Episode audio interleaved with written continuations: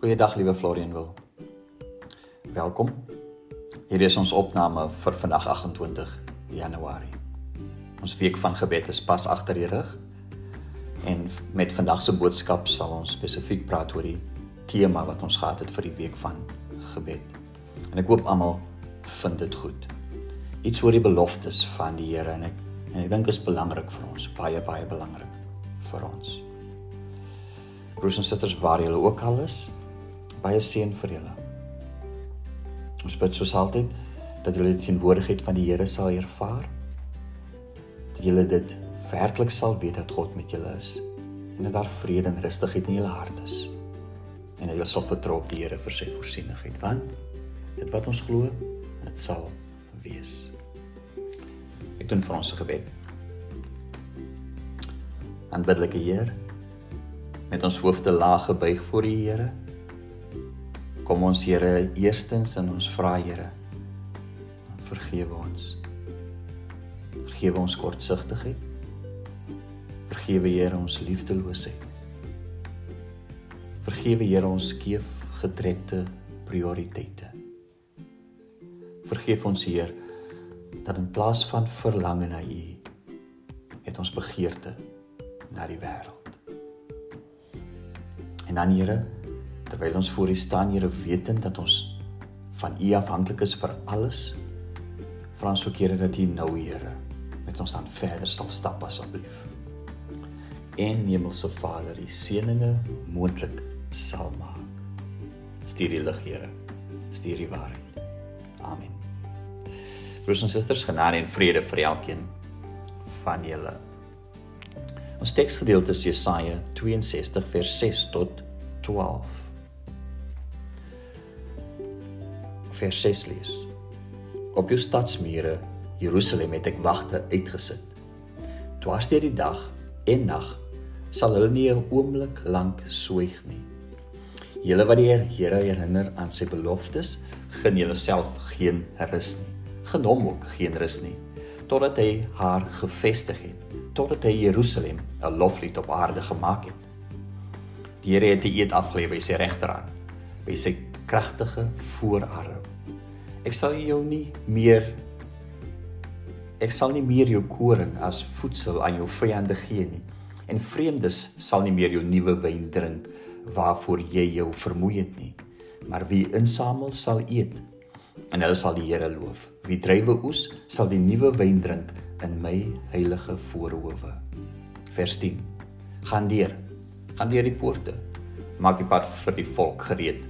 Vul op. Vul die groot pad op vul dit op. Verwyder die klippe. Hou 'n panier omhoog vir die volke. Kyk. Die Here laat dit hoor tot by die einde van die aarde. Sê vir die dogter van Sion, kyk, jou verlossing kom. Kyk, sy vergoeding is by hom. Sy beloning is voor hom. Hulle sal genoem word heilige volk, losgekooptes van die Here.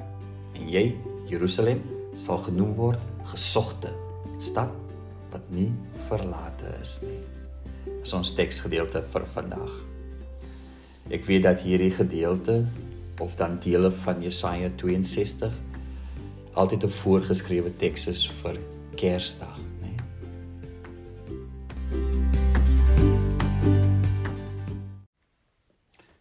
Ons fokus vir die week van gebed was die beloftes van die Here aan ons.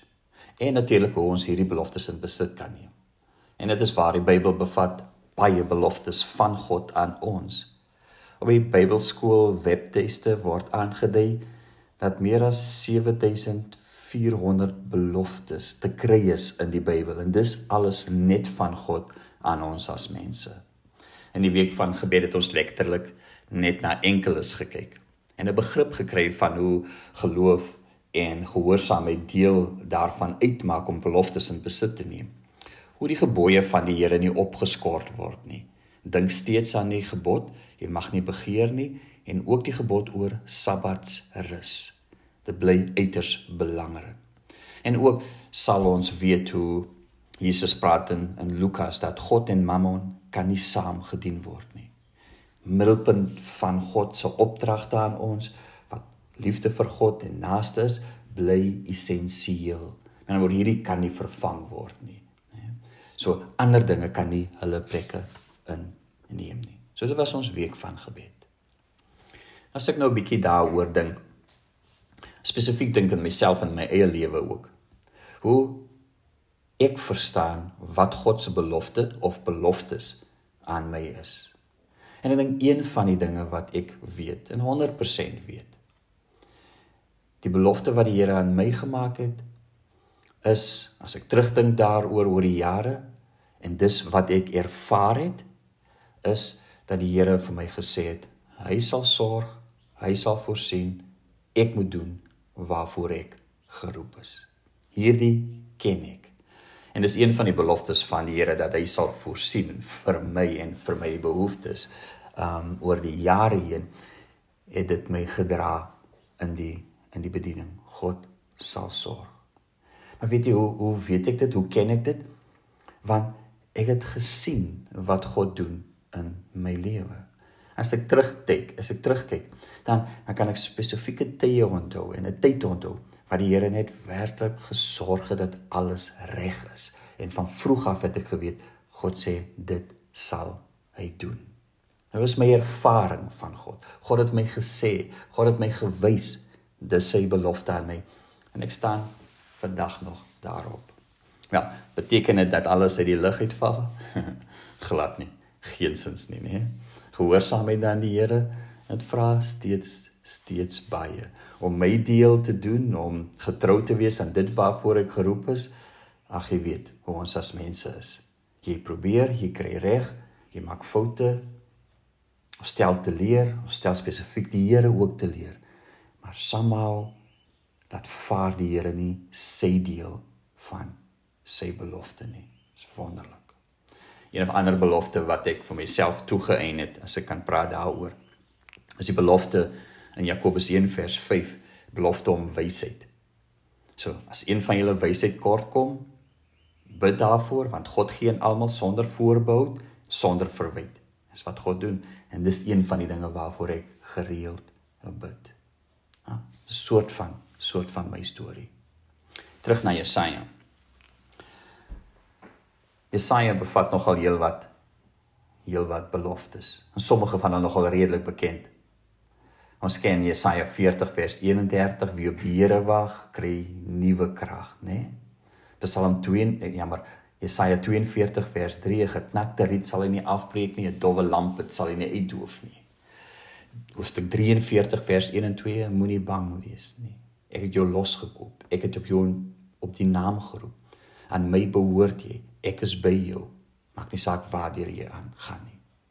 En dan is daar die mooi een wat mense nogal lief vir is, is Jesaja 54 vers 17. Geen wapen wat teen jou gemaak word sal suksesvol wees nie. No weapon formed against you shall prosper. Mense is lief vir hom ja. En die week gehoor Jesaja 60 vers 22.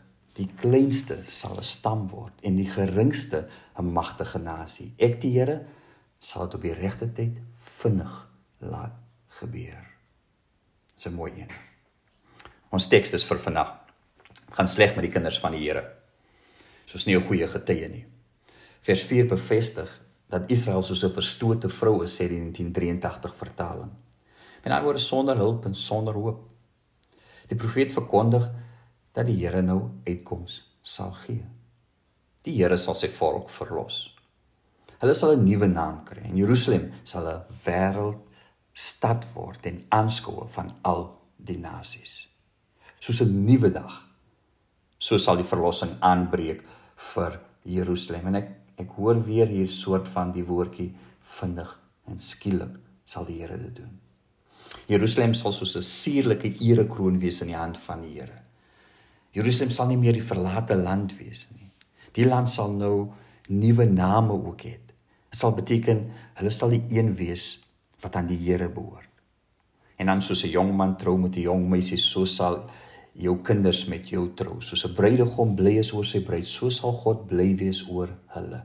Die Here het 'n eed afgelê, so sal dit wees, sê vers 8. So dis die belofte wat die profeet Jesaja aan aan Israel gee. Vers 11 Herinner ons ook aan die feit dat God wel verder sien as net Jerusalem. God sien tot aan die einde van die aarde. Met ander woorde, daar's 'n groter prentjie ook en ons mag dit nooit vergeet in alles en in ons wandel met die Here is altyd 'n groter prentjie, groter as myself en my eie behoeftes ook. So God sien tot aan die einde van die aarde vers sê vers 11. Met die roeping van Abraham in Genesis 15 en 17 weet ons dat God sy oog op die verlossing van die totale skepping het. En soos wat God vir Abraham sal sien hom, sal Abraham ook 'n seën vir die nasies wees. So sal God ook deur die verkiesing van Jerusalem hier in Jesaja en sy verbond met sy kinders en deur sy handeling met hulle sal Jerusalem tot aan die eindes van die aarde bekend wees. Jerusalem sal 'n loflied op aarde gemaak word. Hoekom? Want daar's 'n groter prentjie van God wat uitreik na die totale wêreld. So terwyl hierdie beloftes wat Jesaja aan hulle gee nog nie in ontvangs geneem is nie, moedig Jesaja hulle aan om nie stil te bly nie. Dit is mos nou ons tema van ons boodskap vandag. Gun God geen rus nie. Herinner die Here aan sy beloftes. En daarvoor is daar wagters op die stadsmure van Jerusalem. Hulle opdrag is om dwars deur die dag en nag tot die Here te bid. Hulle mag nie 'n oomblik sooi swyg nie. Hulle moet volhard in die gebed en daardeur herinner hulle God aan sy beloftes tot hulle stad Jerusalem Sion sodat hierdie stad die middelpunt van die wêreld sal word. Hulle mag hulle self geen rus gee nie. In vers 10 sien ons ook dat dit beteken ook hulle sal hulle, hulle gaan deur die poorte van die stad. Hulle hulle maak die pad gereed. Hulle hulle vat die klippe weg. Hulle hou 'n banier op maar dis wat van hulle verwag word sodat hulle die beloftes in in besit kan neem. Ek dink is ook nie anders vir ons nie natuurlik nie. Ons kry nie sê Jakobus omdat ons nie bid nie. Onthou julle nog die boek wat ons behandel het oor gebed, 1 jaar, nie seker of dit Pinkster was nie, an hour that changes the world. Jesus wat aan sy disippels sê by die tuin van Getsemane of hulle nie eens 1 uur saam met hom kon waak nie. Hoor weer die titel, The Hour That Changes the World. My gebed wat 'n merkbare verandering maak in die wêreld en in my lewe. Lukas 18. Vertel Jesus 'n gelykenis om duidelik te maak dat 'n mens altyd moet aanhou bid sonder om moedeloos te word. Dis die gelykenis van die weduwee wat volhard het ten spyte van teenkanting. By die regter het sy gepleit, gesoebat, aangedring totdat sy gehelp is. Lukas 18 vers 6 sê die Here: Sal God dan nie aan sy uitverkorenes wat dag en nag tot hom roep reg doen nie? Sal hy hulle lank laat wag? Ek sê vir julle, hy sal baie gou aan hulle reg laat geskied. En ek dink selfs in hierdie teks is daar 'n idee sê sommige verklaarders dat hy ook die woordjie skielik moet hoor. Die Here sal dit skielik sal hy dit doen. En daarom ons leer uit Lukas 18 en sê Jesus sal Jesus wanneer hy eendag terugkom nog geloof vind soos hierdie nog volhardende gebede vind nog die verlange by sy kinders kry dat hulle deel van God en sy koninkryk wil wees. Laat ons ook net nie vergeet nie. Ons het 'n geboude soeke en strewe na God. En deur gebed, deur praat met die Here vind ons rus en vind ons die Here. Is goed vir ons. Ons het dit nodig. Dit is ook nie vergeet hoe terapeuties gebed en meditasie is nie, nê? Hy oomblikke van stil raak, die oomblikke van dink, al daardie dinge is belangrik vir ons. Dit maak ons gesond. Die Here weet presies hoe. En dan terwyl ons besig is om met die Here te praat oor die beloftes wat ons ervaar het en gesien het in ons lewe en wat die Here vir ons gewys het terwyl ons wag dat dit in vervulling kom, moet ons ook nie vergeet nie. Soos met Abraham, hy sal geseën word, so die nasies geseën word. Soos met Jerusalem hier, hulle sal 'n volk wees met 'n nuwe naam en hulle lof sal oral geprys word sodat die wêreld kan sien tot aan die einde van die aarde sodat God se koninkryk kan kom. Daai deel mag ons nie vergeet nie. Dis nie net vir my self nie. So, ons tema, ons boodskap is gaan jouself geen rus nie. Praat met die Here oor die beloftes. Doen wat nodig is. Gen God ook geen rus nie. Herinner die Here dag en nag daaraan. Mag die Here ons seën. Amen. Aanbiddelike Heer. Dankie vir 'n geleentheid Here om net Here te kan te kan ervaar dat vanuit die woord het Here en vanuit ons eie ervaring het Here het ons beleef die belofte van U aan ons. En Here dit deel kom raak van ons lewens. Miskien Here het ons dit al te gelate aanvaar dat dit so sal wees. En miskien Hemelse Vader bid ons nie meer daaroor nie. Maar nou Here, soos altyd wil ons U herinner. Here, U het eie beloftes aan ons gemaak. Asseblief Vader, help ons daarmee.